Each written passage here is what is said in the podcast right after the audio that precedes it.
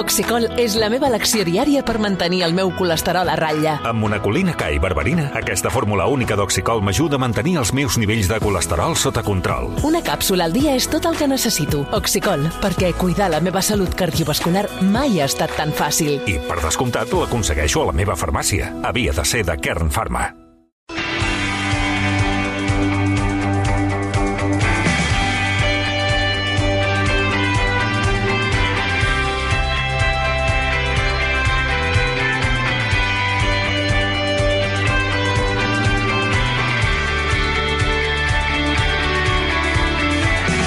Si no fos per aquesta la justificació de que ha estat sotmès durant 9 mesos com a mínim a un espionatge il·legítim, doncs això seria per riure i semblaria doncs, una aventura Mortadelo y Filemón. A diferencia de lo que pasaba durante gobiernos anteriores, nosotros, este gobierno, respeta el Estado de Derecho y no hay ninguna presión, ninguna injerencia en el funcionamiento normal de las instituciones. Porto dos anys i mig al càrrec, vull dir que al final jo crec que em queda menys que més, eh? Pep, què va estar, Pep? Quatre, no?, temporades, guanyant. Luis Enrique guanyant tres. No, jo porto dos i mig. Estem allà, eh? Los feroz siempre estamos con las víctimas, siempre. Y también os animamos a denunciar. Nuestro Padre os da las gracias por este premio y os ruega disculpas por su ausencia. Pues en estos momentos se encuentra en un servicio religioso y está en una parroquia muy lejana. Desde ahí os manda su bendición y os recuerda que él fue la semilla, pero que mamá fue la maceta. Albert, cridaven des de les Estela Maris, des de l'escenari del Feroz. Què tal, Sara González? Molt bon dia. Molt bon dia. Hola, Carla Torró, bon dia. A veure, bon dia. On era l'Albert Pla? Bueno, que aquesta no és la pregunta. Estem intentant localitzar-lo. Ai. Albert Pla, home, clar, perquè... I tenim una pista, hi ha un oient que ens havia donat un missatge de on era aquesta parròquia que diuen a la recollida del premi. Hola, Manel Banchón, bon dia. Hola, bon dia. Hola, Joan Canyada, bon dia. Molt bon dia. Ah, Ara de seguida parlarem del Feroz, perquè, entre altres coses, més enllà dels premis, i estem molt contents per l'Albert Pla i molt per al talent català que hi va guanyar, David Verdaguer, el Bayona, la pel·li de Robot Dreams, en fi, una pila de gent, i també tots els actors de la, de la, la Messies, no és només Albert Pla, sinó el Roger Casamajor, la Irene Balmes, en fi. Eh, però haurem de parlar del que va esquitxar aquesta gala dels Feroz. De seguida saludem a la periodista del diari El País, Ana Marcos, que, en fi, és, és la que ha estat liderant aquesta investigació del diari El País sobre el primer cas, diguem-ne, de Me Too del cinema espanyol, que afecta el director de cinema Carlos Bermud. Però eh, abans, eh, deixeu-me saludar també el Xavi Segura. Hola, Xavi, bon dia. Hola, bon dia. Des del punt de vista meteorològic, bastant avorrit tot plegat, no? Està començant a baixar una miqueta ja la temperatura o encara no? Sí, sí, avui ens hem llevat de fet amb una mica més de fred, però les glaçades han estat poques i febles per trobar-nos a ple hivern. I les temperatures màximes també baixaran amb més ganes avui, sobretot comarques de Girona i Barcelona, amb moltes màximes de 14, 19 o 20 graus, ambient encara massa suau per l'època, però ja sense valors tan primaverals i tan exagerats dels últims tres dies que ens han deixat rècords de calor en un mes de gener. L'excepció la tornarem a trobar a zones de Ponent, eh, on poden haver-hi boires persistents tot el dia, amb fred intens, i a la resta del país força sol, calma per aprofitar alguns núvols prims, boires ara al matí localment a la Catalunya central, també alguna boira puntual a la costa, i per tant un dia en general aprofitable, i demà també, però també baixen una mica més les temperatures. Gràcies, eh, així ho esperem, perquè de veritat això no és el que, no és el que toca. Gràcies. Xavi, fins ara. Fins ara. Les 9 i 11 del matí, ara de seguida m'agradarà saber la vostra opinió sobre tot això, eh, que crec que és un tema molt important, el que va ahir destapar el diari El País, que succeïa just abans de la gala dels Premis Feroz, és a dir, el dia que es donaven els Premis Feroz, que són un dels importants de la indústria, però a 15 dies també de la, de la gala dels Goya. De fet, a una setmana de la gala dels Gaudí, és a dir, estem en la, en la fase dels premis. I eh, és la resposta a la pregunta que tanta gent s'ha fet durant tant de temps. Com és que, després del Me Too nord-americà, a Espanya no hi ha un Me Too?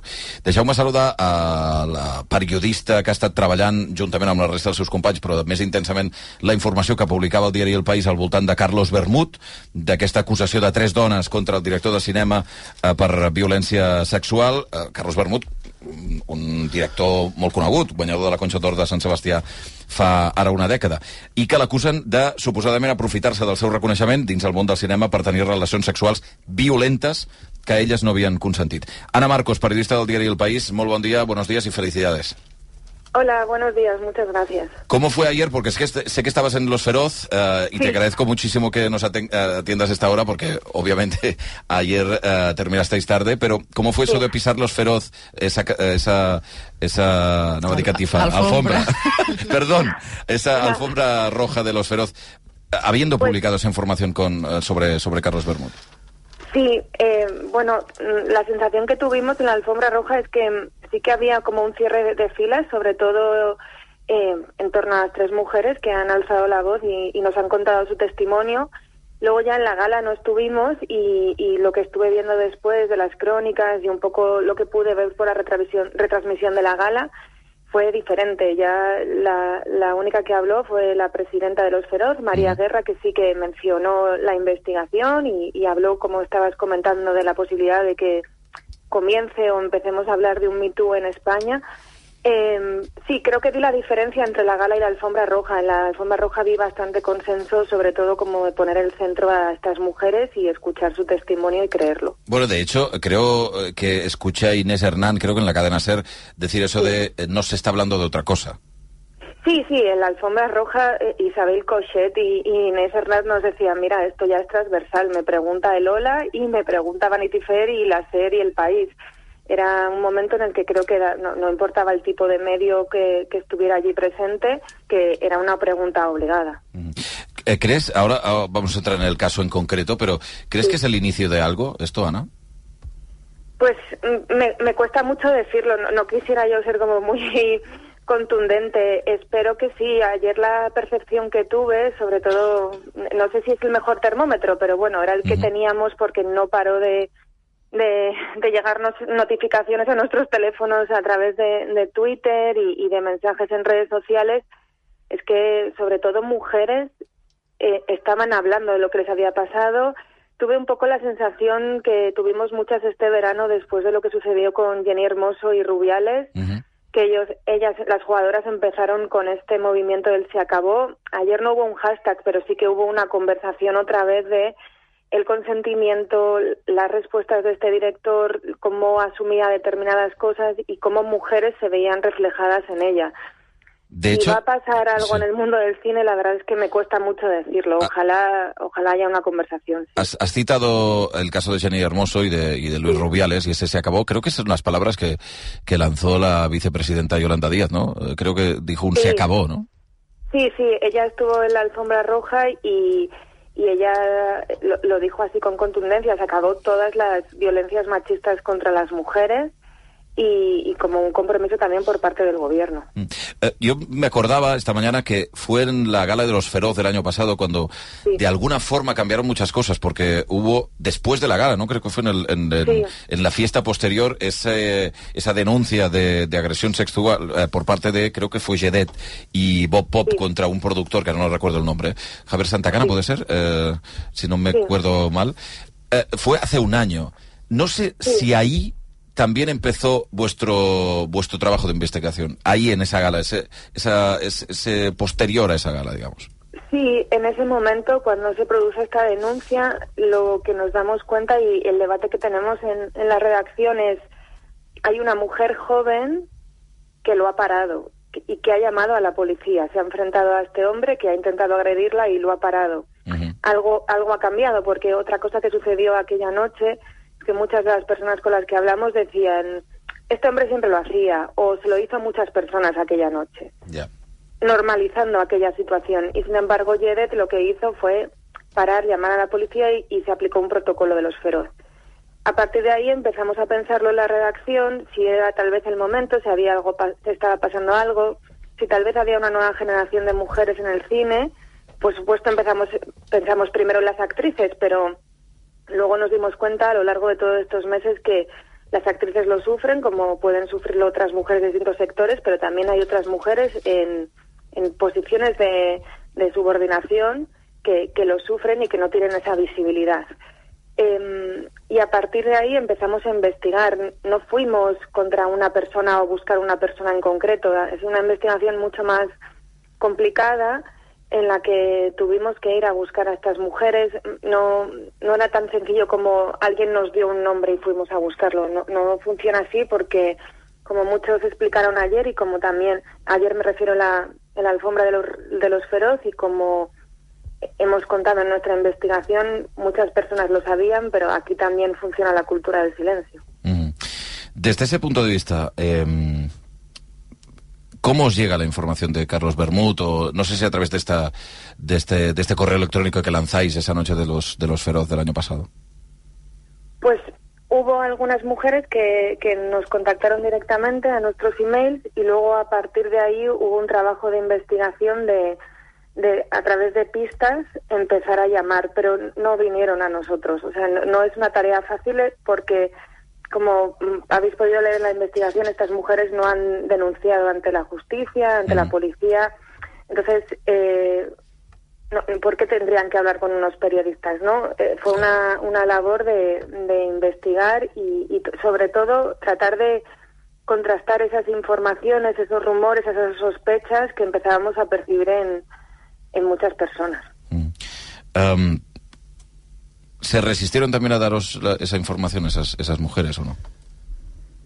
Bueno, no sé si es resistencia o es eh, un trabajo que también hacemos los periodistas en general en cualquier área cuando tienes una cartera de, de- eh, intentar formar una relación de confianza y de, y de no juicio y de escucha y, y de garantías a la protección de estas mujeres que estaban en una situación de vulnerabilidad por su posición frente a- al director, a Carlos Bermud, y por el miedo real que tenían a, a ser señaladas y a perder su trabajo. Y, y todo eso teníamos que cuidarlo mucho.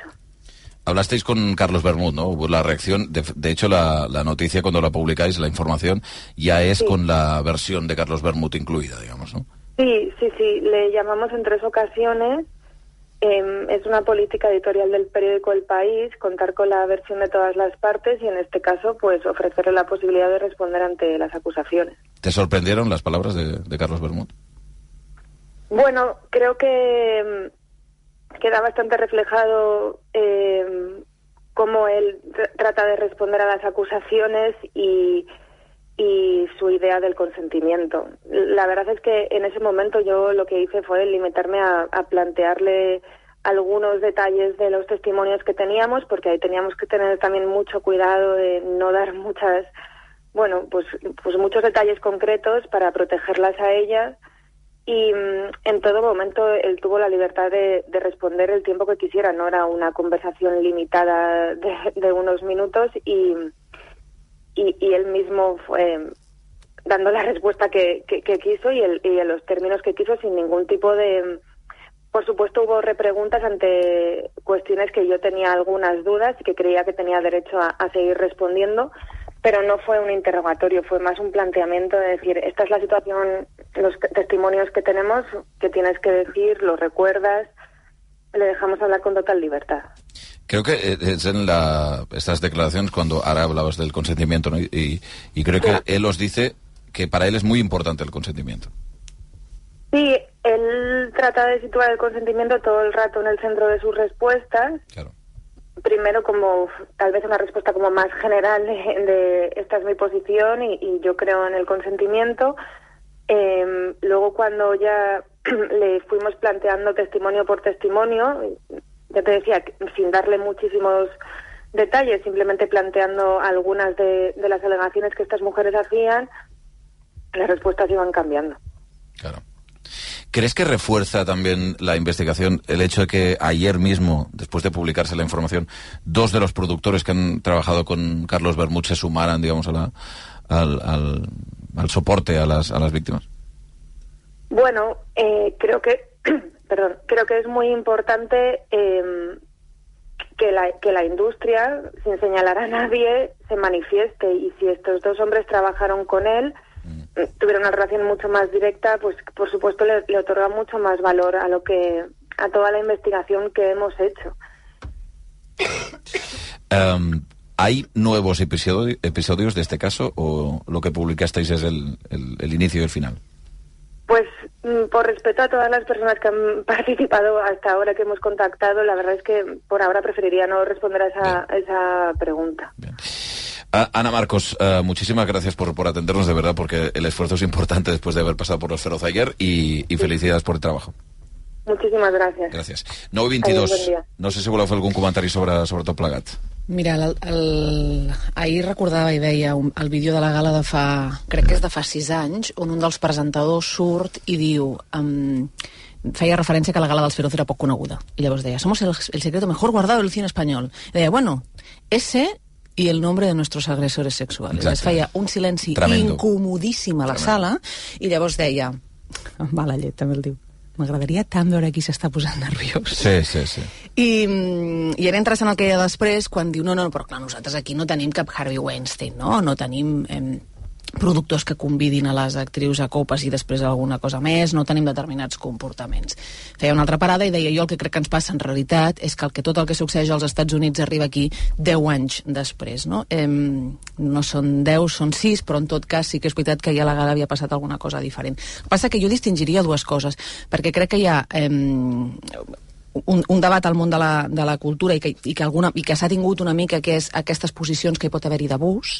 I una altra cosa és que el, el que relata el diari El País. El diari El País relata eh, en un dels casos una violació claríssim. Vull dir, no parlem d'algú que en una situació de superioritat assetgi, parlem d'un home que en un moment donat està amb una dona al llit que el que relata el diari és que li està dient que pari, li està eh, fent cops amb les cames, s'està defensant i ell continua. Aquest és el relat que fa el diari. Això no és una posició d'abús en què et pot generar un, algun dubte de quina és la situació. Hi ha una frase, hi ha una frase del, hi ha una frase del, del Bermut a les respostes que diu si estoy en la cama o en el sofá con alguien doy por hecho que tiene una intención sexual. Clar, però és que això um, diu moltes coses. O sigui... Què vol dir ah, dar por hecho? Què vol dir dar por hecho, no? O sigui, tu, la dona que t'està dient que no vol, que t'està mm, fent, no? eh, fent coses... Eh, jo crec que està sent clara la seva postura. Llavors, mm, estiguis al llit, estiguis al sofà o estiguis on estiguis, i, i jo crec que no dona molt peu a la confusió. Ho dic perquè moltes vegades, ara, eh, en què està el debat del consentiment al centre, es diu, no, no, però jo, a veure, jo vaig entendre no, que la relació era consentida. Home, eh, el relat que fa el diari és que hi havia una dona dient que no. Estem veient segurament la Però que punta... sentit textualment la frase, la, el que diuen elles? Sí, sí. Perquè si la gent que no, no sentís la informació no la llegís, diu, se tiró encima de mí, empezó a estrangularme, no lo vi venir, y yo empecé a darle patadas, estaba muy asustada, después de darle más patadas se apartó y me dijo algo así como, yo no me lo merezco. Entonces, no sé por qué, pues estaba muy descolocada, incluso le dije, vale, perdona, perdona, y volvió a hacer otra vez lo mismo, con la misma violencia, y yo ya no me pude mover porque me placó. Es un tío muy grande, tampoco tenía eh, posibilidad de nada. Lo único que recuerdo claramente es que le pedí, por favor, ponte un preservativo, por favor, ponte un preservativo. Cosa que no hizo. és el relat de pànic d'una víctima d'una violació, clarament. I probablement el que estem veient aquí és la punta de l'iceberg. Hem vist en els últims anys com algunes actrius començaven a aixecar la veu i van veure en el seu dia Leticia Dolera, van veure Maribel Verdú, van veure Aitana Sánchez Gijón, mm, van veure Clara Hidalgo, però fins ara no s'havia posat un nom i un cognom no? a, un, a un cineasta, a un productor, que és el que eh, esperem que pugui passar a partir d'ara. No? Felicitats als companys del país perquè fer una investigació d'aquest tipus no només és difícil, sinó que t'obliga com, a, com a periodista a tenir molta empatia i tenir molta sensibilitat a l'hora de eh, parlar i acostar-te a les víctimes. Ens podem preguntar a hores d'ara quants productors i quants directors de cinema estan veient les orelles al llop i ens podem preguntar també quantes dones, quantes persones que han estat víctimes d'agressions sexuals estan veient amb dolor com se senten identificades amb aquests testimonis que avui surten al diari El País. No? I aquí eh, tornem a fer la reflexió que fem sempre en els casos de, de les agressions sexuals.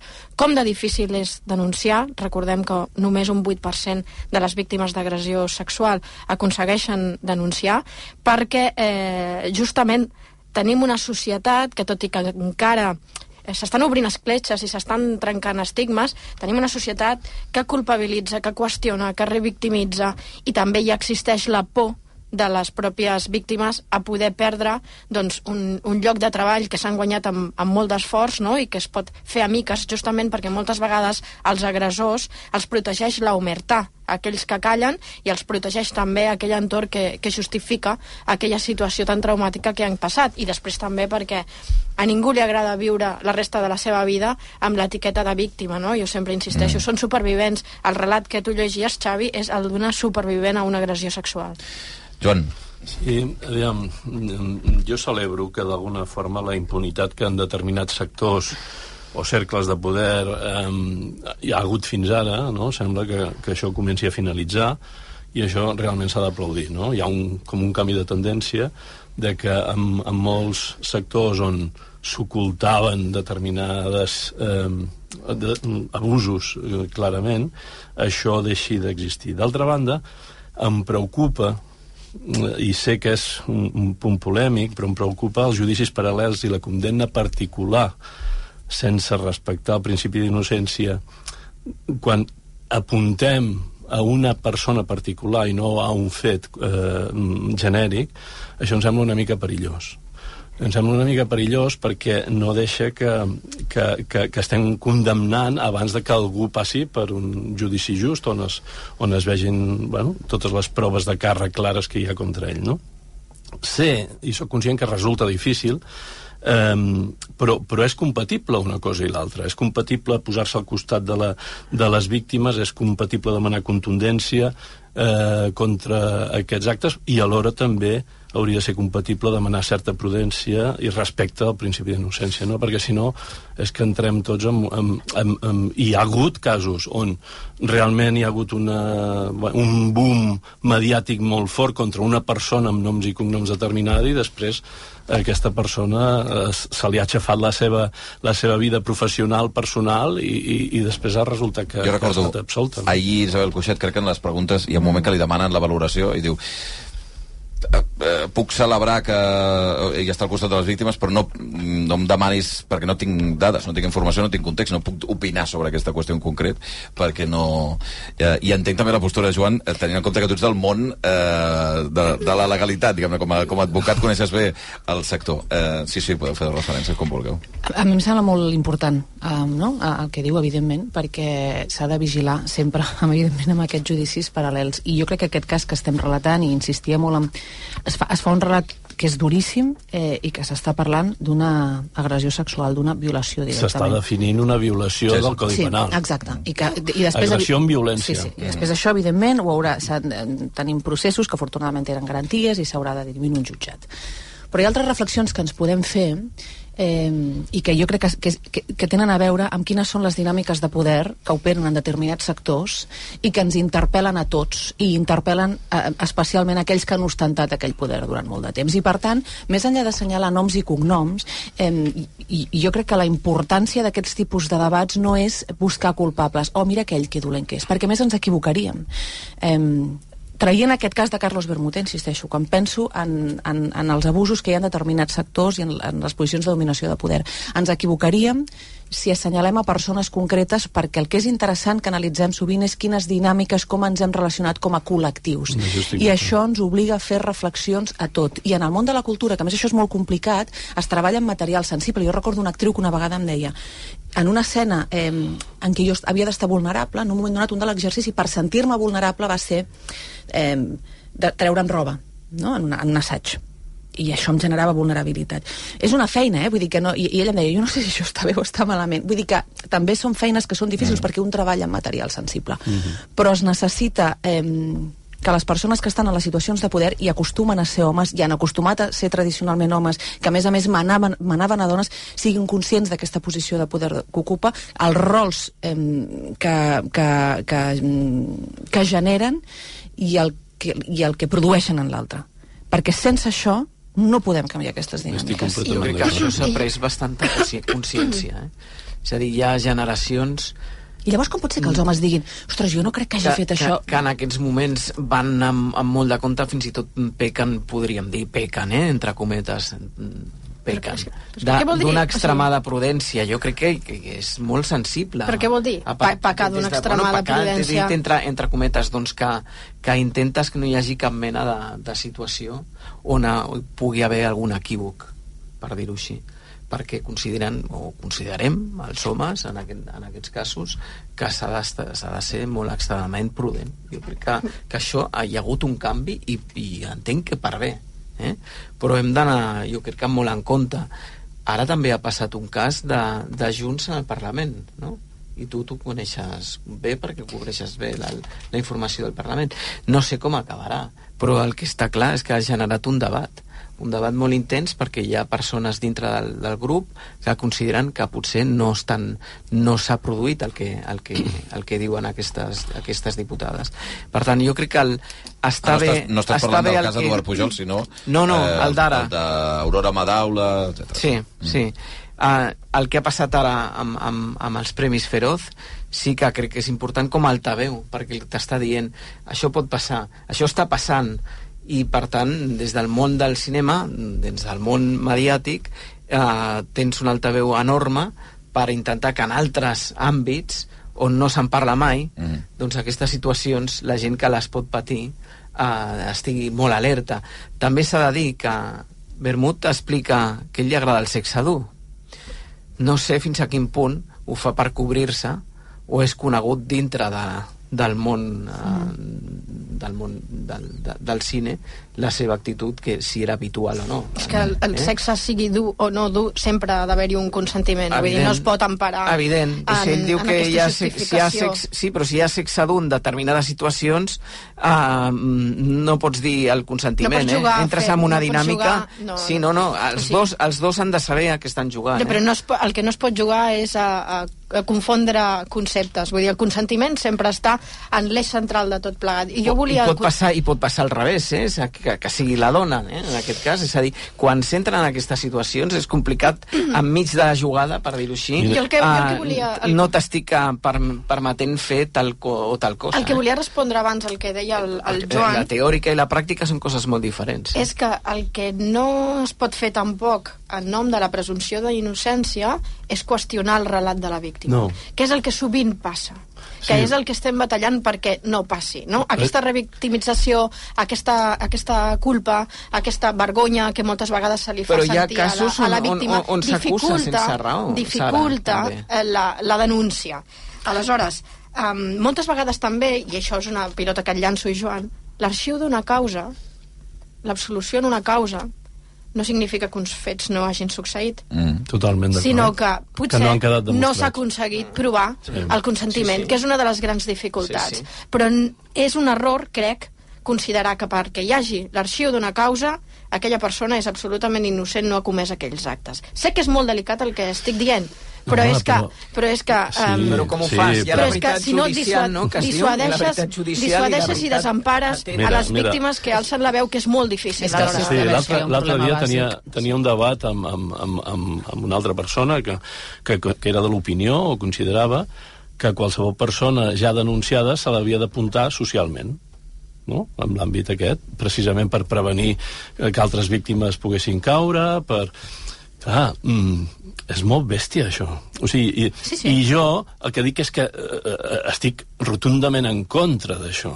Socialment no es pot senyalar ningú abans de que passi per un judici just, perquè és que si no això ja és agafar-se a tothom, eh, bueno, la, no? condemnar abans d'hora, agafar-se a tothom la justícia per la seva mà i a partir d'aquí poden, poden anar eh, evolucionant situacions eh, mm, que en un estat democràtic no, no són de rebut, no? Està clar que el principi d'innocència s'ha de mantenir i està clar que una persona que no està condemnada és innocent perquè no s'ha de demostrar que és culpable. El que no podem pretendre és que eh, una persona que ha estat absolta sigui perquè no s'ha demostrat o sigui perquè s'ha demostrat que és innocent, cosa que és una prova diabòlica. És molt difícil, moltes vegades, demostrar que ets innocent. El que eh, eh, és més fàcil és o, o que demostrin que ets culpable o que no demostrin que ets culpable. No? La, la immensa majoria de sentències absolutòries al nostre país són per manca de prova. No perquè es quedi demostrar que una persona és innocent. Hi ha, una, hi, ha una, hi ha un problema eh, fonamental amb això, que és que eh, eh, un principi bàsic del nostre sistema és que la càrrega de la prova la té la persona que denuncia perquè tothom és innocent fins que no es demostra el contrari. El que passa que això genera moltes tensions perquè, evidentment, posa a la víctima, a la dona, en la posició d'haver de demostrar que allò ha succeït i és, molt, és, és un procés molt dolorós. El que passa que és veritat que el principi bàsic del dret ha de ser que tothom és innocent fins que no es demostra el contrari. Jo només volia afegir una cosa molt ràpida sobre el tema de que li agrada el sexe dur. Ho dic perquè fa un temps que em, em preocupa una mica com es barreja um, consentiment i desig, i, i hi ha un debat en el feminisme sobre això. Mhm. Mm -hmm. Em preocupa que, la, que en alguns debats que estem tinguent tornem com a una, a una visió conservadora del, del desig, com si, com si l'home tingués desitjos obscurs i, i, i, no, i fos un animal sexual i les dones són púlqueres amb desitjos nets i, i, o que i no blancs. són capaces d'expressar I, i que no el són, desig. el, no sí, sí. Llavors, um, jo vigilaria amb aquest tipus de debats, perquè Has escoltat l'entrevista, o llegit l'entrevista de Vilaweb de Clara Serra? Eh, és que Clara Serra és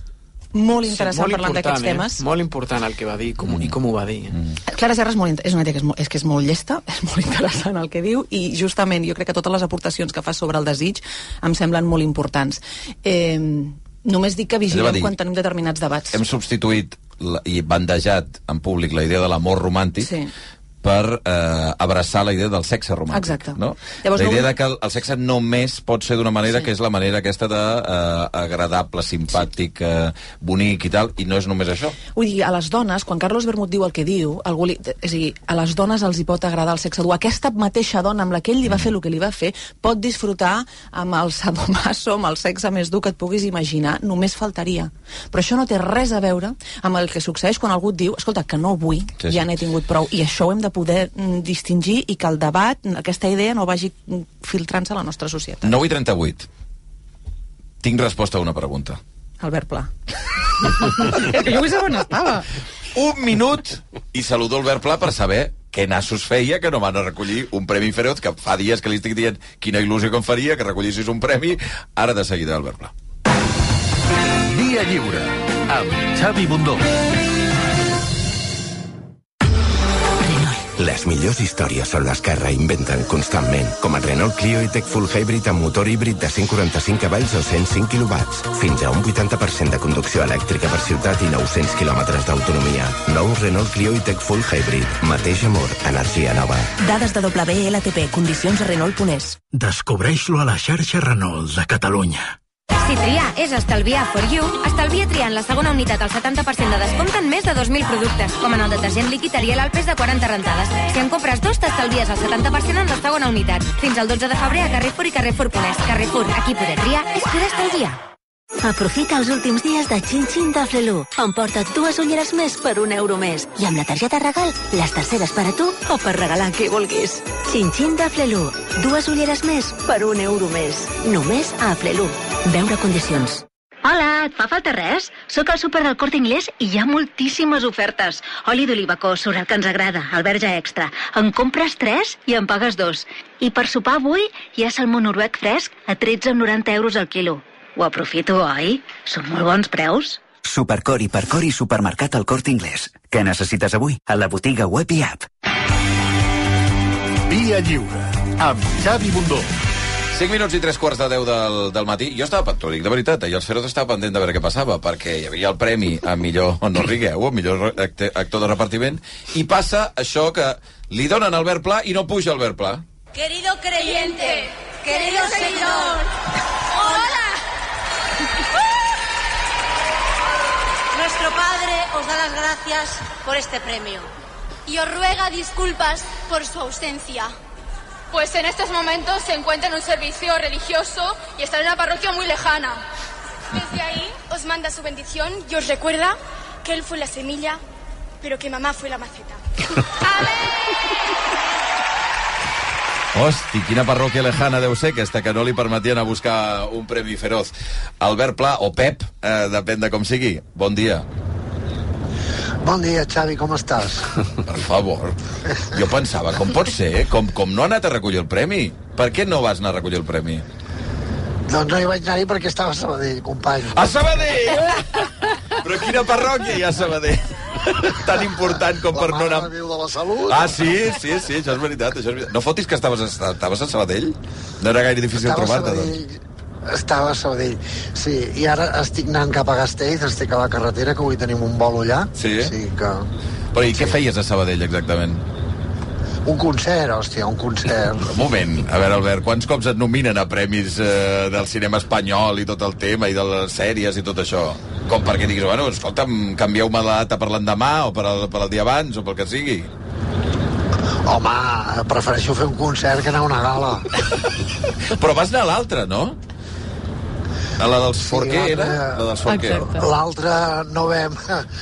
no vam aconseguir cap concert. Mira que ho vam provar, eh? però ens van dir tot arreu que no. No serà que vas anar dels Forquer, vas veure que no guanyaves i vas dir quina mandra tornar a una altra gala per no guanyar? També és veritat, també és veritat. La pregunta és, si haguessis sabut...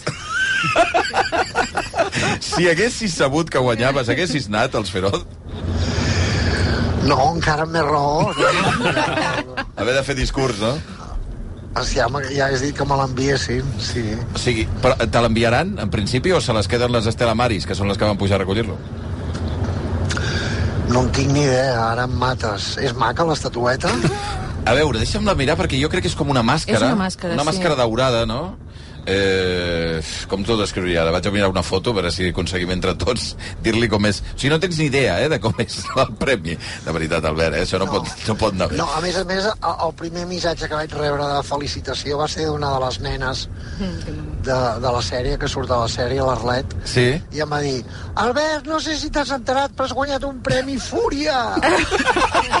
Fúria!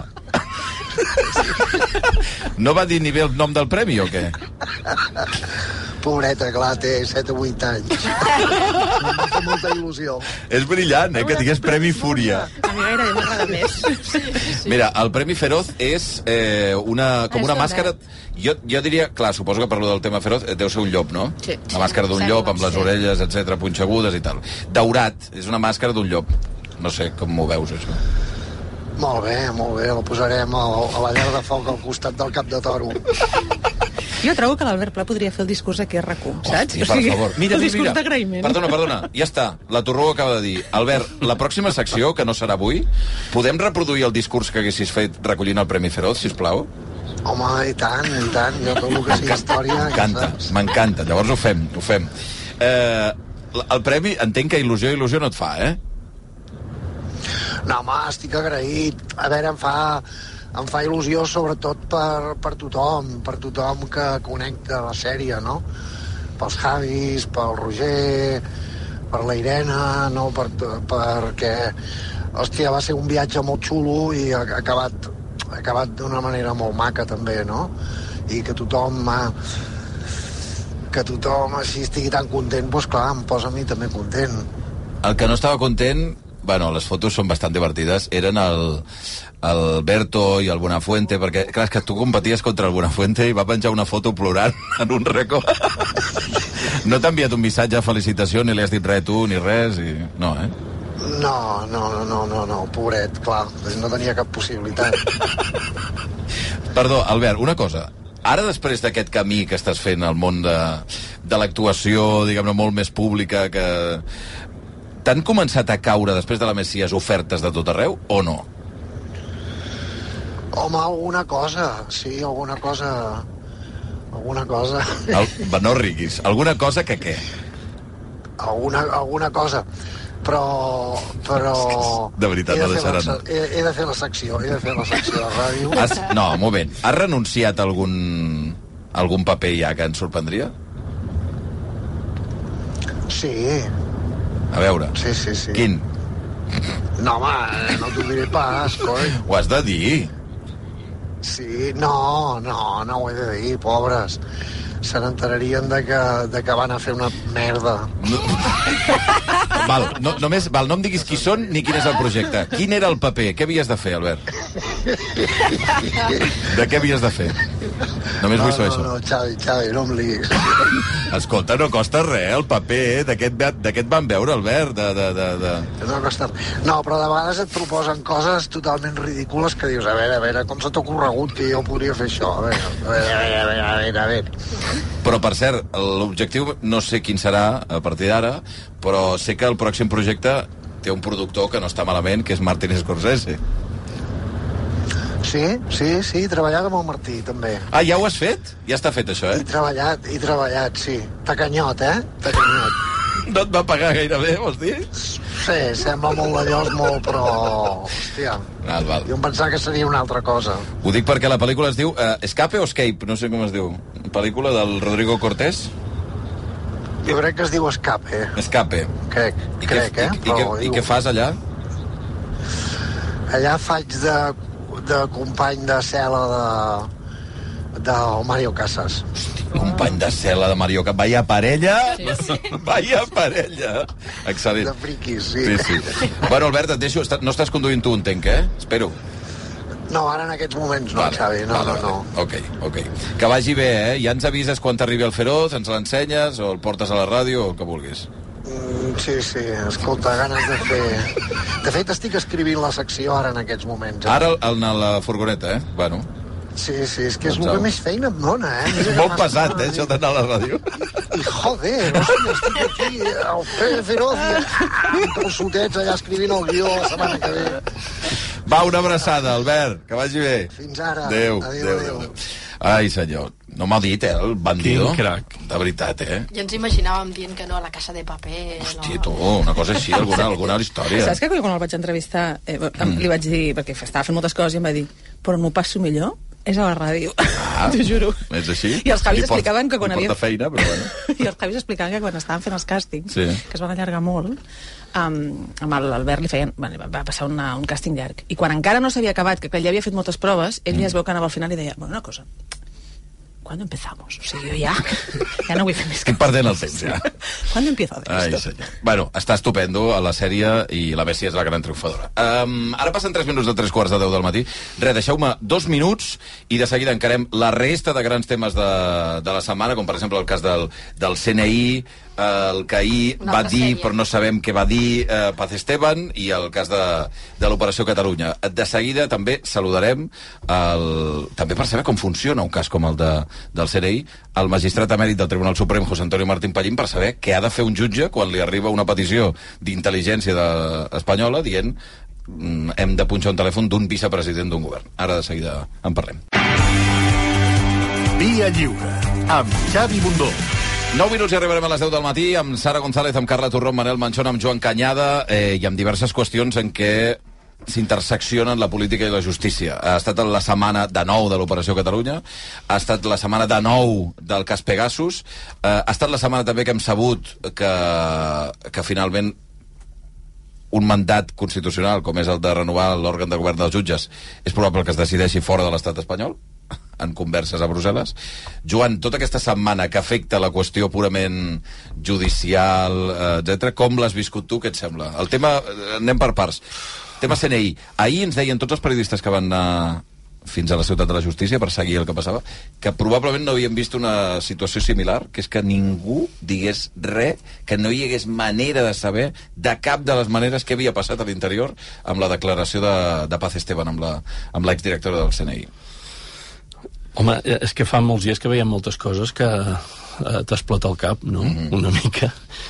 Um, en referència a, a lo del CNI, home, la reflexió és que bé, quan, quan hi ha una intervenció, quan, quan la, sigui la policia o sigui, en aquest cas, el, el Centre Nacional d'Intel·ligència que sol·licita la intervenció i, per tant, l'alteració d'un dret fonamental com és el dret a la intimitat, home, això ha d'estar justificat. Molt justificat.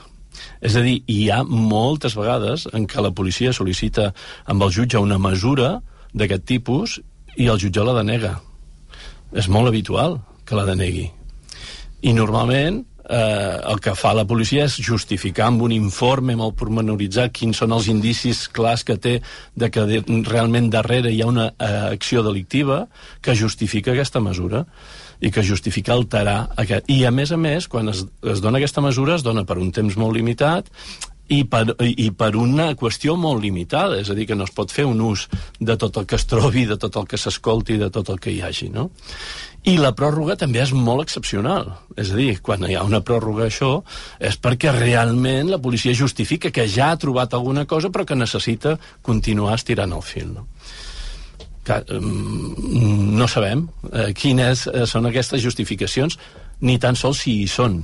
Eh? Volem entendre que sí, perquè al final, com deies, no és un servei d'intel·ligència, sinó que és un servei d'intel·ligència que li demana permís a un jutge del Tribunal Suprem, que li avala que amb aquells indicis que té al voltant de, suposem, de la capacitat de, de coordinació de Pere Aragonès sobre els CDRs, troba que és eh, pertinent eh, punxar-li el telèfon. Està clar. I alhora, també, és evident que, que el Centre Nacional d'Intel·ligència té un superior jeràrquic i quan es punxa el telèfon amb un president d'una comunitat autònoma no és el capo d'una banda del Maresme, sinó que... Vicepresident. En aquell moment vicepresident, però amb el qual s'hi estava negociant eh, també per fer, en fi, per arribar a la Moncloa. Vol dir que els indicis han de ser relativament solvents com per convèncer Haurien. Haurien de, Haurien. haurien de ser-los, però bé, la veritat és que al final no, no, no ha resultat res de tot allò, no? Per tant, eh, o, o eren uns indicis o inflats o equivocats o erronis, o, o es va convèncer el magistrat amb una reunió de que hi havia quelcom més que no podien posar per escrit, però que, que, que tingués fe, no? no sé què, què em resulta més inversemblant i més greu, no? que aquests indicis siguin inflats o que aquests indicis siguin equivocats. Vull dir, al final, situar a Pere Aragonès com l'epicentre de la coordinació i la clandestinitat dels CDRs és, per una banda, no conèixer, ni haver volgut conèixer què són els CDRs i com funcionaven, perquè els que ens va tocar de prop doncs, seguir els CDRs sabem que eren completament anàrquics, que no tenia res a veure el CDR del Clot amb el CDR de Girona, amb el CDR de, de, de Sabadell, això per una banda, i després és no tenir ni idea d'en quin moment polític s'estava fent aquest espionatge. Era un moment, a partir del 2018, justament, en què Esquerra Republicana abandona la via unilateral, fa un gir en la seva aposta estratègica, aposta pel diàleg amb el govern de Pedro Sánchez i, de fet, les últimes escoltes es produeix, en l'última fase de l'espionatge es produeix quan s'està negociant un govern i quan s'està negociant una, una taula de diàleg. Llavors, per tant, perdona, Sara, la conclusió d'això podria ser si això és una absurditat, fer-ho per aquest motiu, és que potser n'hi ha una altra. La pregunta és si hi ha una intencionalitat política per part del govern espanyol de saber el seu potencial soci com s'està movent o no. O si hi havia una actuació independent per part de... o, exacte, no? o si tenim un CNI que resulta que és absolutament incontrolable i que tenim un jutge del Suprem que eh, a l'engròs va actualitzant espionatge i, per tant, vulneració de drets fonamentals sense que hi hagin uns indicis que siguin prou S'entén que fafaents. independent no pot ser. Hem de recordar, hem, hem de recordar també que Ara, també eh, va ser espiat Pedro Sánchez i la, Sí. i la ministra qual- Margarita Robles Però i que no qualsevol de les dues coses, qualsevol de les dues coses eh, és nefasta. Sí, sí, totalment. Us demano no- no- el, el mínim, sisplau, perquè després en parlem, però Manel eh, o Carla, perquè tinc una persona esperant al telèfon. Sí, Carla? No? Manel? No, jo, no- digues, digues, Manel.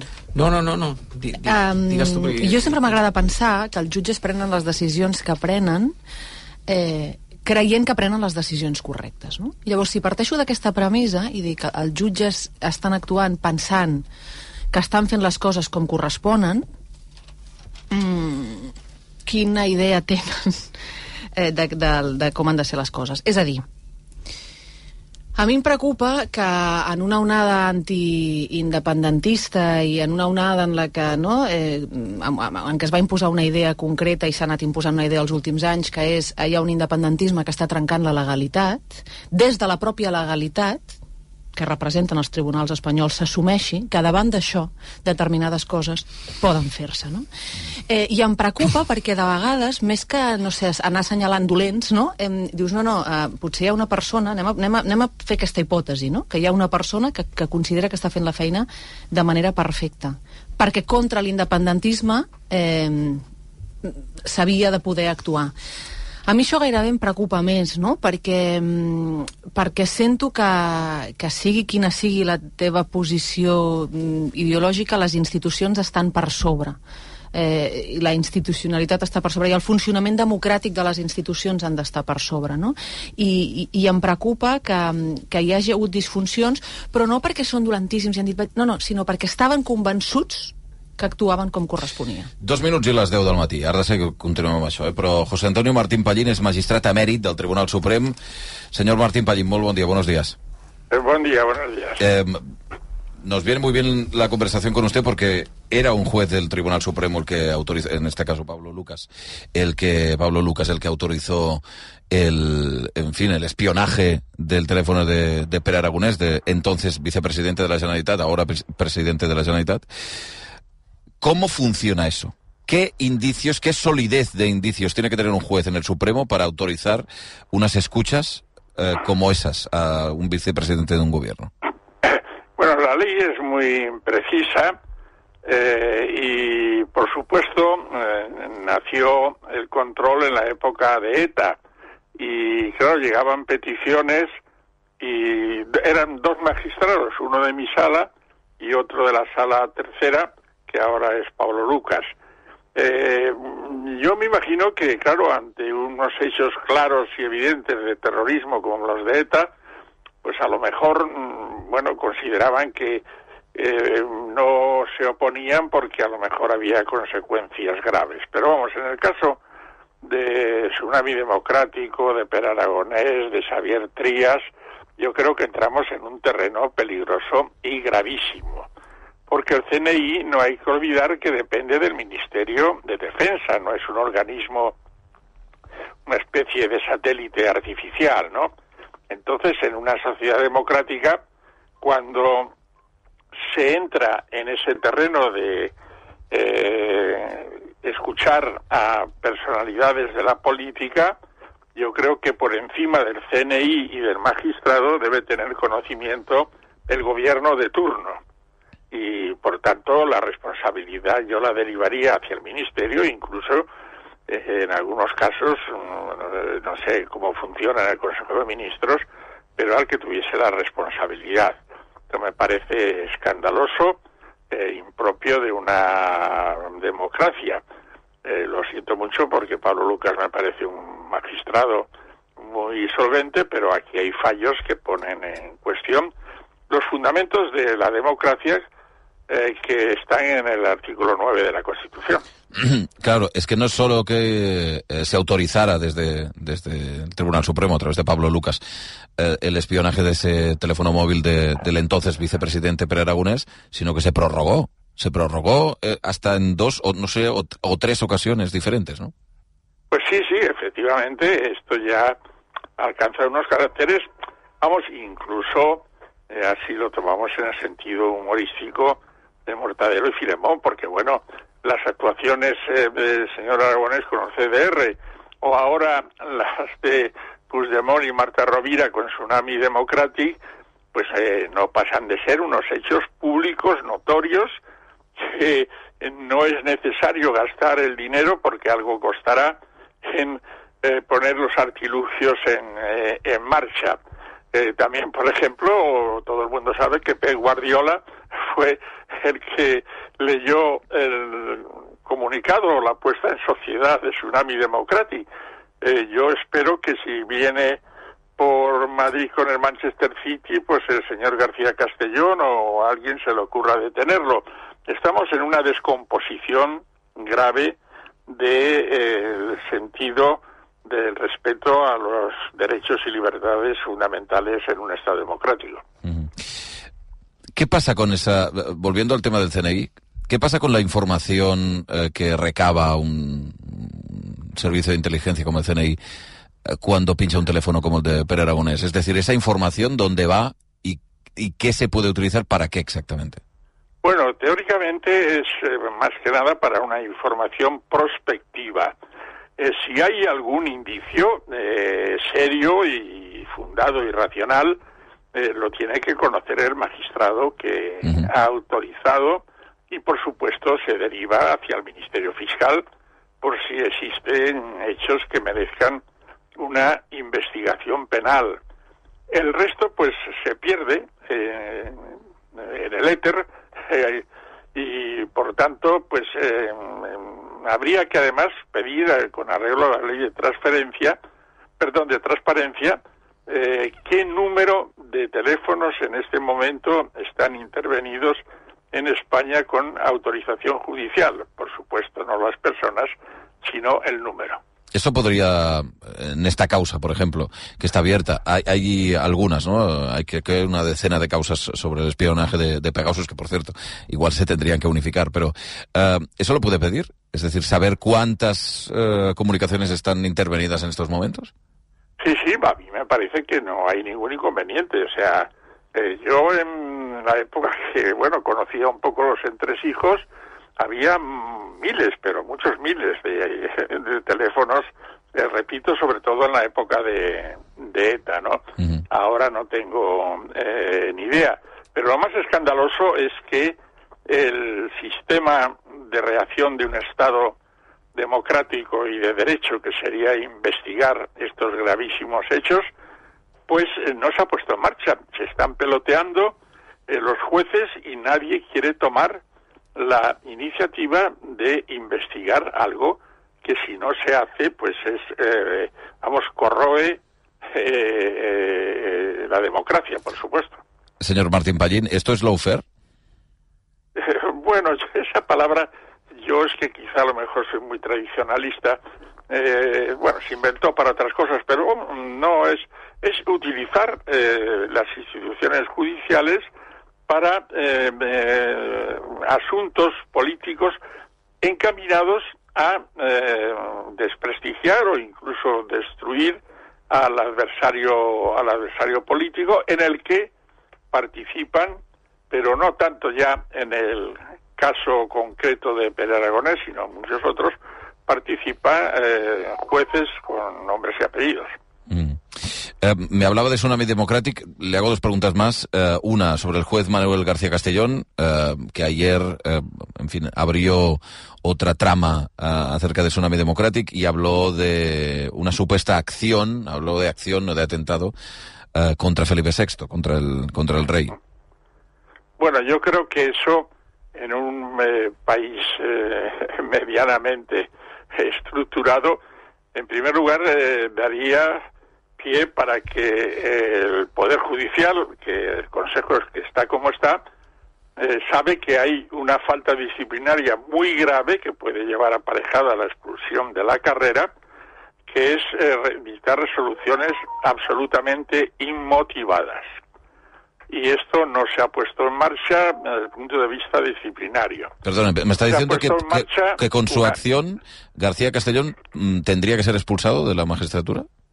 Hombre, yo creo que no debería estar en la magistratura. Ya, ya ha rematado con esto de la caravana del rey y lo siguiente será pues que a lo mejor vio a un señor con mirada torva hacia un retrato del rey en una oficina, porque ya esto está adquiriendo caracteres, eh, verdaderamente eh, eutrapélicos, como decían antes los clásicos, ¿no?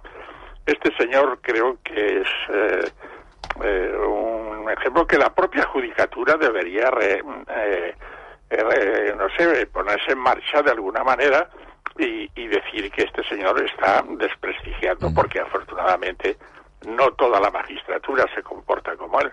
Hablaba de esa expulsión, o en fin, de una sanción. ¿Quién tiene que ejercerla? ¿El, el órgano de los jueces, por ejemplo? ¿O hay un- Sí, sí, en el caso de sanción disciplinaria, el Consejo del Poder Judicial. Ya, pero estamos en este momento, ¿no? Con el Consejo actual, ¿no?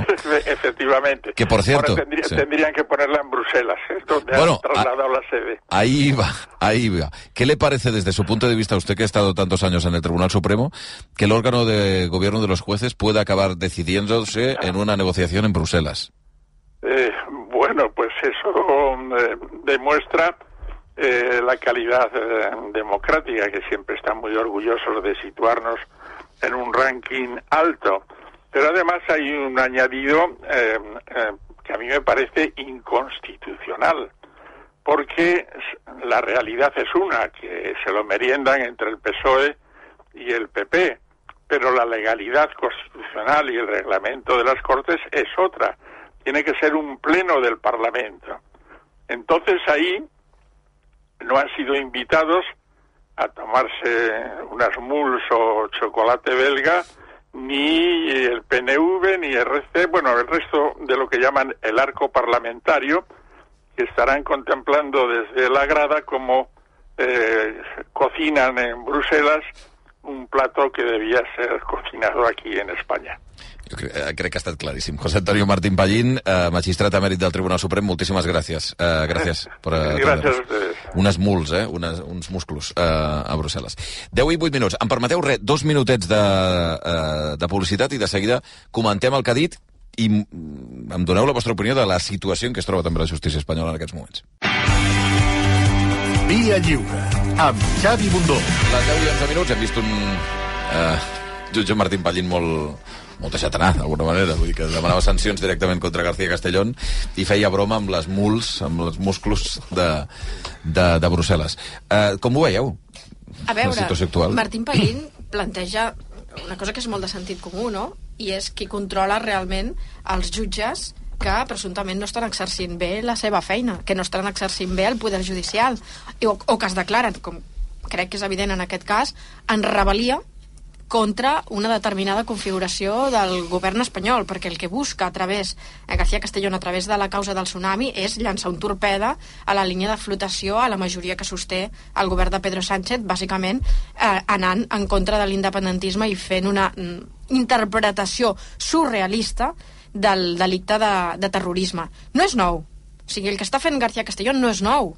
Hem vist al llarg de dècades com l'Estat utilitza de forma espúria eh, una part del poder judicial, una part del, del poder policial, i jo diria que amb la contribució indispensable d'una claveguera mediàtica, com el que busquen és anar a aplicar una pauta en contra del que l'Estat entén com a dissidència política, fent, sí, el que deia la, la Carla, considerant que en defensa de determinats interessos d'Estat, que sovint s'emmarquen en el principi d'unitat territorial, l'ordre autoritat i el principi del, de, de protecció del, del sistema capitalista, doncs val laminar aquesta pròpia democràcia. Així que fins i tot ho han dit alguns dels que han participat en l'operació Catalunya, no? que aquella tan mítica frase de Villarejo, no? que con la madre y con la patria, con razón, ¿no? sin ella, ¿no? Mhm. siempre al lado. D'alguna manera és la filosofia de que per preservar la unitat de l'Estat tot s'hi val. Aquest jutge està participant d'aquest entramat que busca a costa de laminar la pròpia democràcia, anar contra un rival polític o contra el que es considera un moviment que posa en escac l'estatu quo, en aquest cas el moviment independentista. I dic que no és nou perquè ja hem vist causes policials i causes judicials en el passat on uns cargols d'IKEA eren considerats metralla, on una quantitat determinada de sabó era considerada material explosiu, on una captu captura de Google Maps que està a Carrasco era considerat un mapa per atemptar contra la Guàrdia Civil. Vull dir que ja hem vist acusacions d'aquest tipus surrealistes, una legislació excepcional que ve de, de, de molts anys de lluita contra l'estat de, de, contra el terrorisme d'ETA. El problema és que quan l'organització terrorista ha desaparegut, aquesta legislació i aquesta, aquest modus operandi continua vigent i es continua aplicant. És que em pregunto, eh, Sara, i després d'això què? O sigui, Clar. crec que és la pregunta de cada setmana igualment, eh? però Sí, sí. Um, es pot fer la broma, fins i tot Martí Pallén ha fet la mateixa broma que Pere Aragonès de Mortadelo i Filemón. Uh, però el CNI continua sent el CNI. I, el, I segur, sens dubte, que molts dels agents que estaven implicats en aquelles escoltes eh, hi són. Paz Esteban ja no, eh? Hi ha una Va ser un fusible, Paz Esteban. Exacte. Um, en el cas dels jutges, tres quarts del mateix. García Castellón està instruint una causa. No és que estigui opinant en un mitjà de comunicació, fent una tertúlia i, i fa unes bromes sobre... Està instruint aquesta causa i prendrà una decisió en un moment determinat.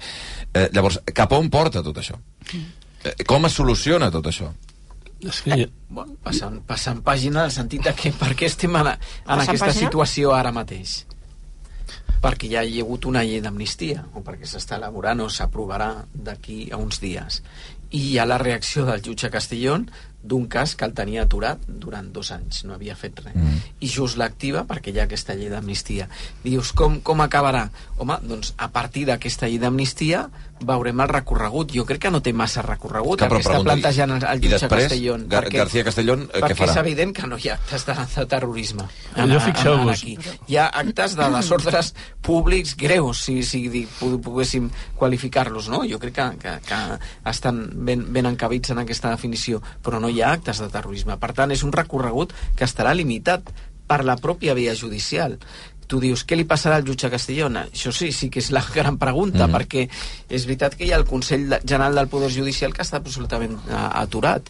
I aquí hi ha una, una reflexió interessant de que quan diem que els partits estan polititzant sempre la, la justícia, perquè estan dient eh, quatre jutges per mi, quatre Sí, sí. per tu, i els jutges que estan predisposats, perquè quan no truquen a qualsevol, truquen a la gent que està predisposada a ser elegit, que això ho diu molt bé en un llibre un jutge que es diu Villegas, que ho ha teoritzat molt bé, és a dir, ja saben a qui han de... Per tant, estan fent eh, mèrits d'una forma constant per participar en aquest tipus d'òrgans. Per tant, són els propis jutges els que es polititzen des de molt de temps abans de ser cridats en aquests òrgans de, de responsabilitat. Joan i Castro. Ah, Sí. es- Està clar que el jutge Castellón per, per ell mateix no s'està fent cap bé.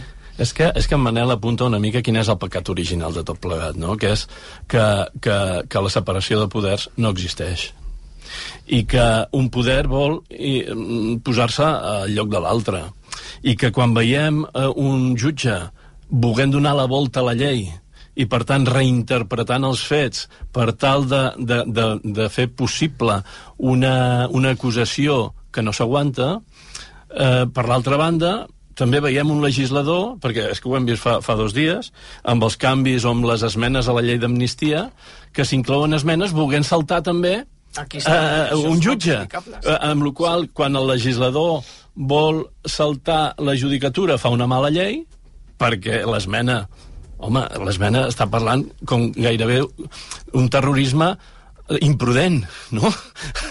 que no existeix jurídicament. I, I, per contra, quan un jutge vol saltar el legislador, fa una mala resolució, també.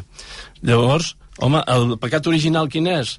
Home, que la composició del Consell General del Poder Judicial, que és l'òrgan de govern del Poder Judicial, i que, per tant, que és el que està capacitat d'esmenar la plana amb un jutge si veu que, se, que ho està fent malament, de, de, de sancionar-lo, de no promocionar-lo o de promocionar aquells que tècnicament són bons per la seva tècnica, no, no per la seva ideologia, doncs aquest, aquesta, aquest òrgan de govern s'escull, l'escullen els partits polítics. Mm. I és que mm, eh, arriba tan lluny eh, eh, l'acceptació per part dels propis membres del Consell General del Poder Judicial de, de, que, de, que, de que són convidats pels partits polítics, que és que estan incomplint la llei, perquè el president del Consell General del Poder Judicial, que l'escullen els seus membres, el pacten els dos partits de govern. Ah.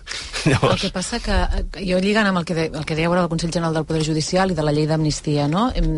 hi ha relats col·lectius que van calant i que són importants com ens expliquem col·lectivament el que ha passat en un determinat moment, no? I tinc la impressió que amb la llei d'amnistia el relat que, que quedarà al conjunt de l'Estat és hi ha uns eh, líders independentistes que van cometre una sèrie de delictes i els hem amnistiat amnistiat, és a dir, els hi hem perdonat aquests delictes perquè el govern de Pedro Sánchez necessitava en un moment donat els seus vots per ser investit president. No? I hi ha una altra lectura que podríem fer aquí, que és, bé, dintre de tot això, el que hi ha hagut eh, també és eh, una operació mm, amb la policia i el Ministeri de l'Interior per perjudicar-los eh, no? en, enmig d'aquest procés. És a dir, durant molt de temps va calar una idea que era que Mariano Rajoy, el seu govern, havia decidit no fer res, no? Us en recordeu quan es deia Mariano Rajoy? Uh mhm. -huh. Han optat per no fer res. La brigada Aranzadi aplicaran la llei... No, no, i resulta que alguna cosa sí que estaven fent, perquè sabem la llista d'empresaris que Alicia Sánchez Camacho va passar a Villarejo, sabem com la policia va anar a Andorra a fer xantatge directament al director d'un banc, a fer xantatge, a dir-li um, vostè té la seva mà a solucionar això, però si no aquest banc tindrà problemes, no? Sabem, um,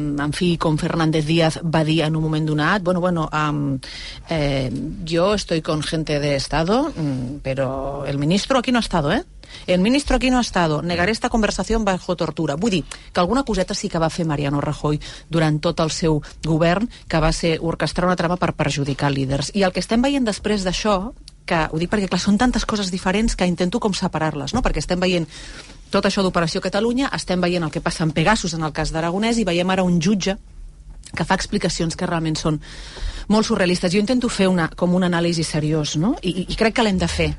Passa que és veritat que quan et pares dius, sí, espera, Aragonès com a coordinador dels CDRs, Puigdemont i Marta Rovira liderant el tsunami... No, no, i si lidera, estigués... un, un moviment terrorista. Moment, no, anava a dir, liderant un tsunami, que el que feia era que volia atemptar en base a... Perquè jo crec que és important explicar-ho, eh? Aquest jutge, quan, quan ara parla del que parla sobre la monarquia, el que fa és...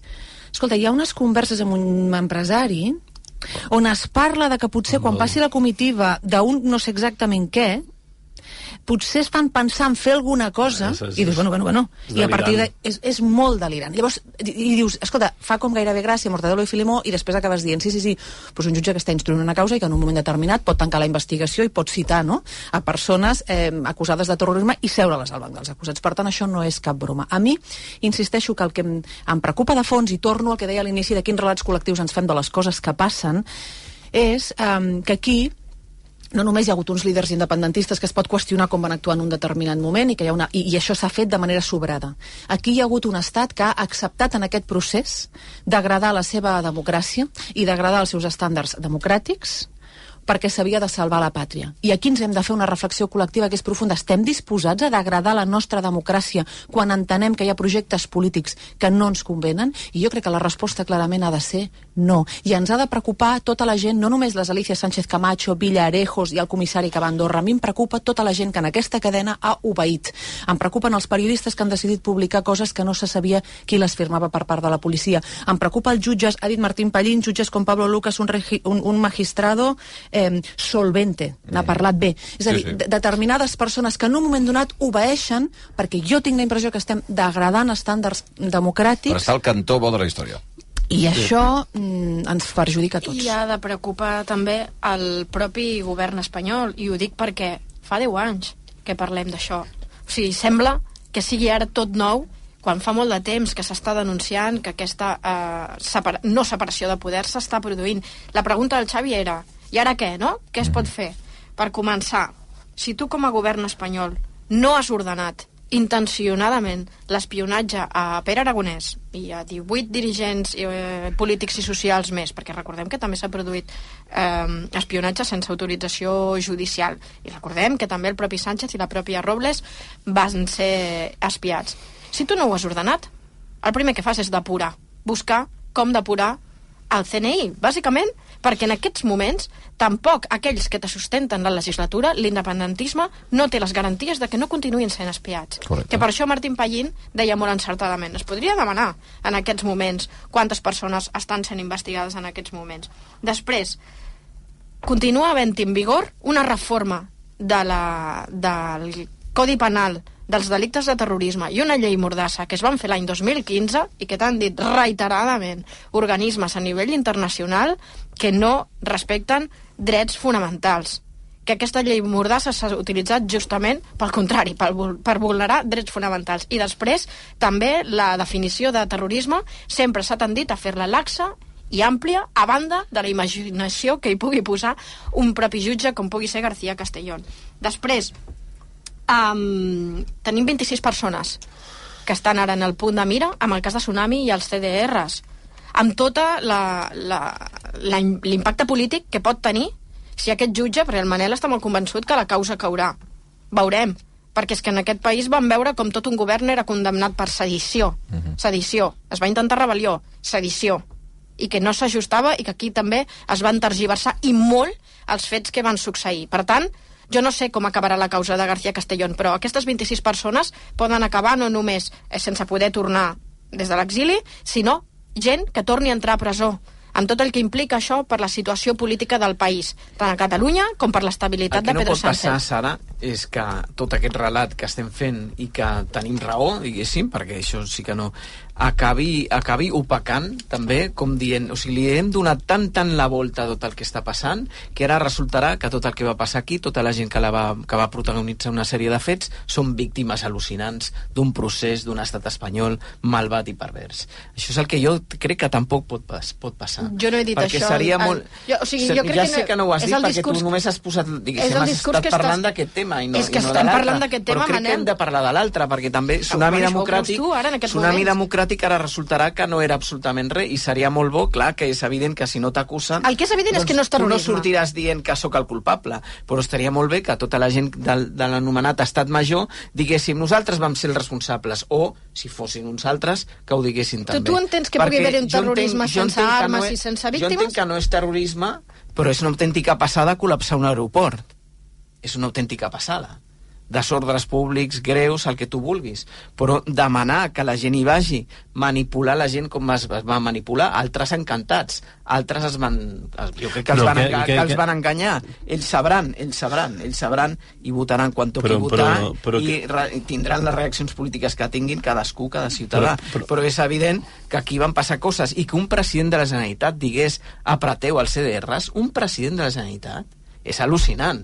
Per tant, posem les dues coses en paral·lel. Jo crec que s'han de posar de la mateixa manera que deies, Joan, i jo estic d'acord, que la llei d'amnistia s'estan equivocant, s'estan equivocant en fent tan, tantes esmenes, perquè al final és, és tan evident que és una llei que, al final, que està intentant a protegir i salvar un president de la Generalitat, perquè és evident que l'estan fent ad hoc, Però- perquè ara estan reaccionant davant de la reacció del jutge Castellón. Bueno, perquè- Les lleis no es fan Bueno, és d'aquesta el manera. jutge, eh, el que està reaccionant amb el que està fent el I, poder no, i, el, legislatiu. I el poder legislatiu ara intenta reaccionar davant de, de la reacció del jutge bueno, perquè, Castellón. perquè, perquè és un error tot plegat, perquè és un error considerar que Puigdemont pot ser eh, eh, jutjat per terrorisme, perquè, perquè no ha comès cap acte de terrorisme, Mhm. perquè és que el terror és una altra cosa, i per molt que li donem la volta i que, que li vulguem treure punxa a la interpretació de l'article del Codi Penal que parla de, del terrorisme, no hi ha hagut terrorisme en la causa independentista i, i punt, i final i, i s'ha acabat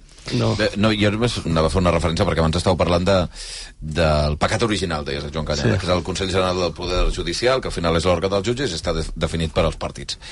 Creus que la solució això seria els partits no defineixen el Consell General del Poder Judicial? Perquè posar en mans dels jutges Llavors qui ho decideix? Els jutges, els propis quins jutges? jutges... És que això ja estava així, inicialment, a la Constitució. Quins, el què? Sí, Sí, és que, o sigui, és que el va haver van un canviar canvi l'any l'any 85 Sí, sí, per però- Felipe González. Que decidien els jutges. O sigui, Sí, però té sentit. No, no, per què no, va fer no, no, hi havia tota una mena de, de proporcions Per què va fer on el canvi els jutges tenien un Felipe paper González? més important. Devia entendre Lògicament. No, no, està clar que perquè hi, ha, ho va fer. hi havia un biaix Home, clar. A veure, enorme a l'interior de la, perquè, del perquè món judicial. Aliança Popular en el seu moment i després va ser el PP van utilitzar la justícia permanentment per carregar-se tot el que aprovava el legislatiu. Home, mira Felipe González va dir s'ha acabat, coses." tinc majoria absoluta per fer-ho i ho va fer, així A de veure, clar, així és- de clar. clar però la, a veure, la judicatura en mans de qui estava, perquè venim d'on venim, en mans de qui estava en determinats anys, doncs estava en mans de qui estava. Què ha passat en aquests últims, no? En aquests últims... 40. te- Sí, que evidentment el país ha canviat Cal en moltes, 40. moltes coses, però hi ha una cosa que hem de tenir present, que és que per ser, per ser jutge, tu primer has d'anar a la universitat, evidentment, i estudiar la carrera de dret. Mm. Tu després has de tenir la capacitat de poder una passar unes oposicions que són duríssimes i mentre estudies, perquè si necessites passar-les, necessites estar estudiant, um, d'entrada a- a- t'hauran d'ajudar a casa. Sé on Perquè aniràs, has de tenir però molt- no, no, no, això on no vas, però passa en tots els àmbits. Sí, sí, sí, sí. Eh, qui és empresari acaba sent empresari No, perquè però- ha però tingut escolteu. una molts diners Clar, és que per- al final ser No, no, no, i després he conegut... No, no, hi ha gent que he conegut... la societat és la que és. La societat és la que és i, i jo també, i evidentment jo també he conegut persones que no és que siguin, no sé, no vinguin de famílies riques i han sigut capaces de passar unes oposicions com aquesta encara que no, que no siguin la, la majoria. El que vull dir és que si deixem això només en mans d'un determinat sector, respondrà també a, unes, a, una, a, una realitat molt concreta d'un sector que representa la realitat concreta Això que ja representa. A mi no em sembla malament que aquí pugui entrar un congrés o que aquí pugui entrar... El que passa que jo insisteixo sempre en la base que deia abans. El que necessitem és que el sentit democràtic d'aquest país sigui un altre i que la lleialtat cap a les institucions canvi. Si no tenim aquesta, si no tenim aquesta consciència democràtica, però si no la tenen els propis partits, com ens poden haver les coses? La solució no és que ho decideixin només els jutges. Canyada, acaba amb això. Sí, és que no hi ha, no hi ha una, un tracte honest de la separació de Exacte. poders. Aquest és el problema. El problema no és tant l'elecció ni, ni la forma d'elegir, de, És com sinó el respecte, el respecte cap a la institució. El que jo de, apuntava abans, o sigui, quan, quan el Congrés eh, inicialment, hem de pensar un històric molt, molt ràpid. A la Constitució espanyola es preveia, escolti'm, Consell General del Poder Judicial, 20 membres, 12 nomenats pel, pel, pels propis jutges i 8 eh, i 12 que han de ser eh, jutges, nomenats pels jutges, i 8 advocats i juristes nomenats per 4 pel Congrés, 4 pel Senat, amb una majoria qualificada de 3 cinquenes parts. Molt bé. Això es varia l'any 85 i es diu, no, no, tots, meitat pel Congrés, meitat pel Senat, eh, eh, i s'ha acabat. Per què? Home, perquè la judicatura veníem d'una...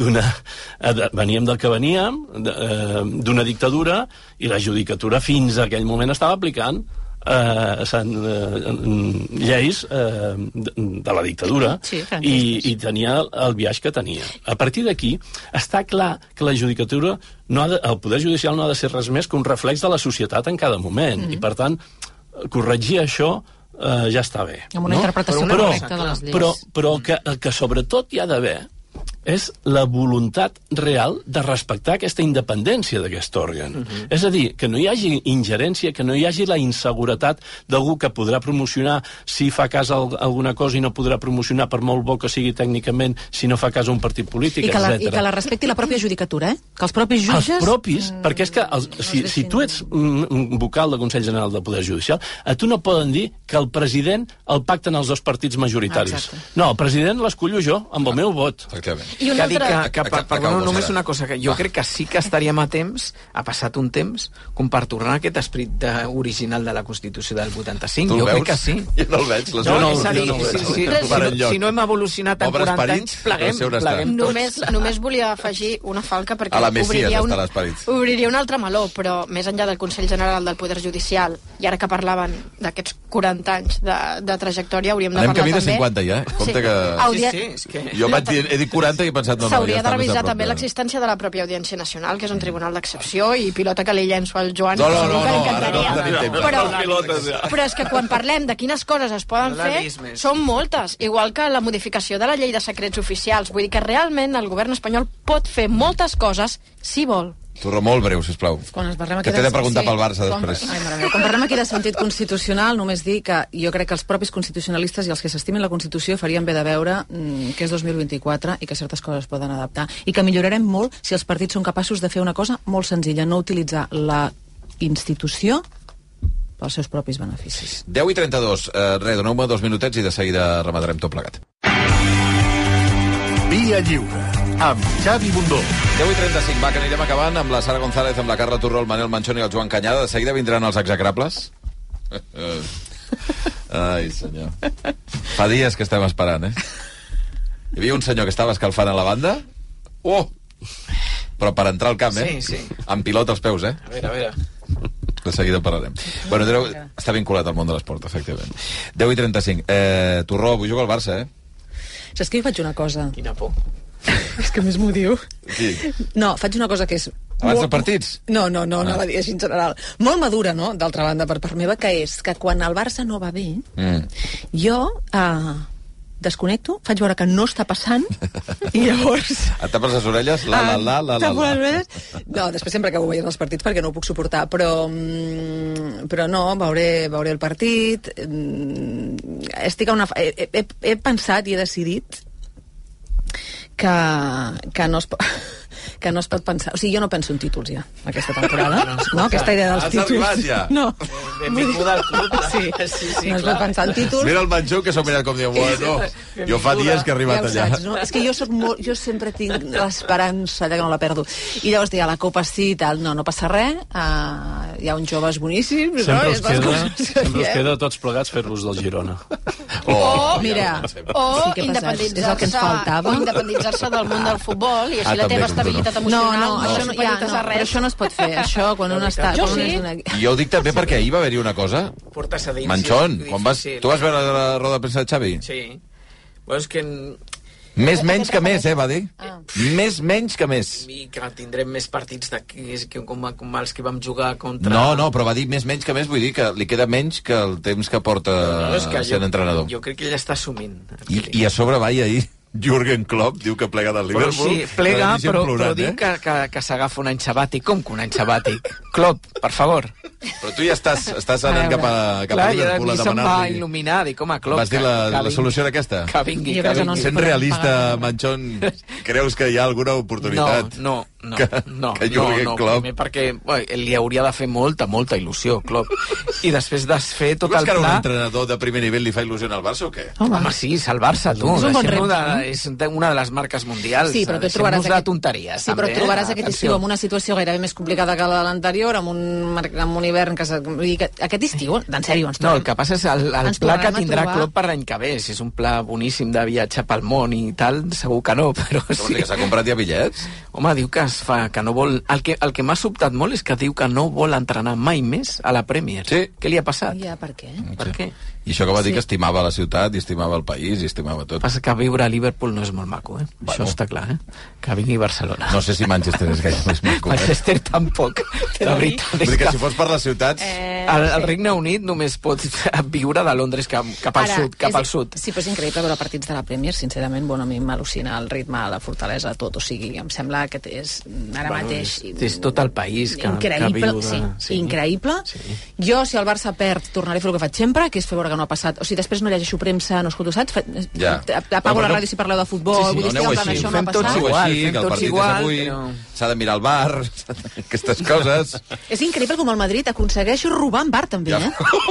O sigui... Com s'ha llançat, eh? Hi ha un García Castellón, allà al bar. Sí, home, és que. Sí, havia sí, sí, sí, això. El senyor està allà. Per cert... Jo ho he vist clarament. Sí. Deu ser un cosí. aquí Molt se- legal. cosí del Aquí se li va acudir això del bar. És una cosa lamentable. No, no, perdona. Però per què? Perdona, es fan... Lamentable. Per què? Per tu, per, jo estic... El que passa és que està mal utilitzat. Jo estic Exacte. totalment en contra. A veure, una cosa, Estàs en pots- contra? Els àrbits de veritat són els que estan allà, els tios, en aquell, amb aquelles pantalles. Què vols dir, els àrbitres de veritat? Que són els que arbitren de Ah, sí, sí, veritat. sí, els que clar. decideixen. Ara sí. Eh, no sé per què Bueno. diem, i arbitra el senyor tal, si no pinta res. Home, ja s'ha vist amb, el, amb uns àudios que... Home, Això. Le dan el, hom- le dan el, le dan el hombro, que el eh? Gerard, no, que a el Gerard verlo. Romero va, Ah, sí, sí, va publicar també, de, per exemple, el partit del Barça-Madrid de fa uns mesos, amb aquell penal clamorós que li fan a, a Araujo, i que l'àrbitre del bar diu no, no, no penalti nunca. Sigan, sigan. Tiene el brazo por encima, però penalti Eh, nunca. sí, clar. En fi, 10 i 39 minuts, us agraeixo moltíssim Sara González, Carla Torró, Manel Manchón, Joan Canyada, que ens hagueu acompanyat. Gràcies. I ens retrobem la setmana que ve? Bon dia. Bon dia. Bon dia. 10 i 40, eh, i per tota aquella gent que s'estigui mm, despertant a aquesta hora del matí i que vulgui, en fi, actualitzar-se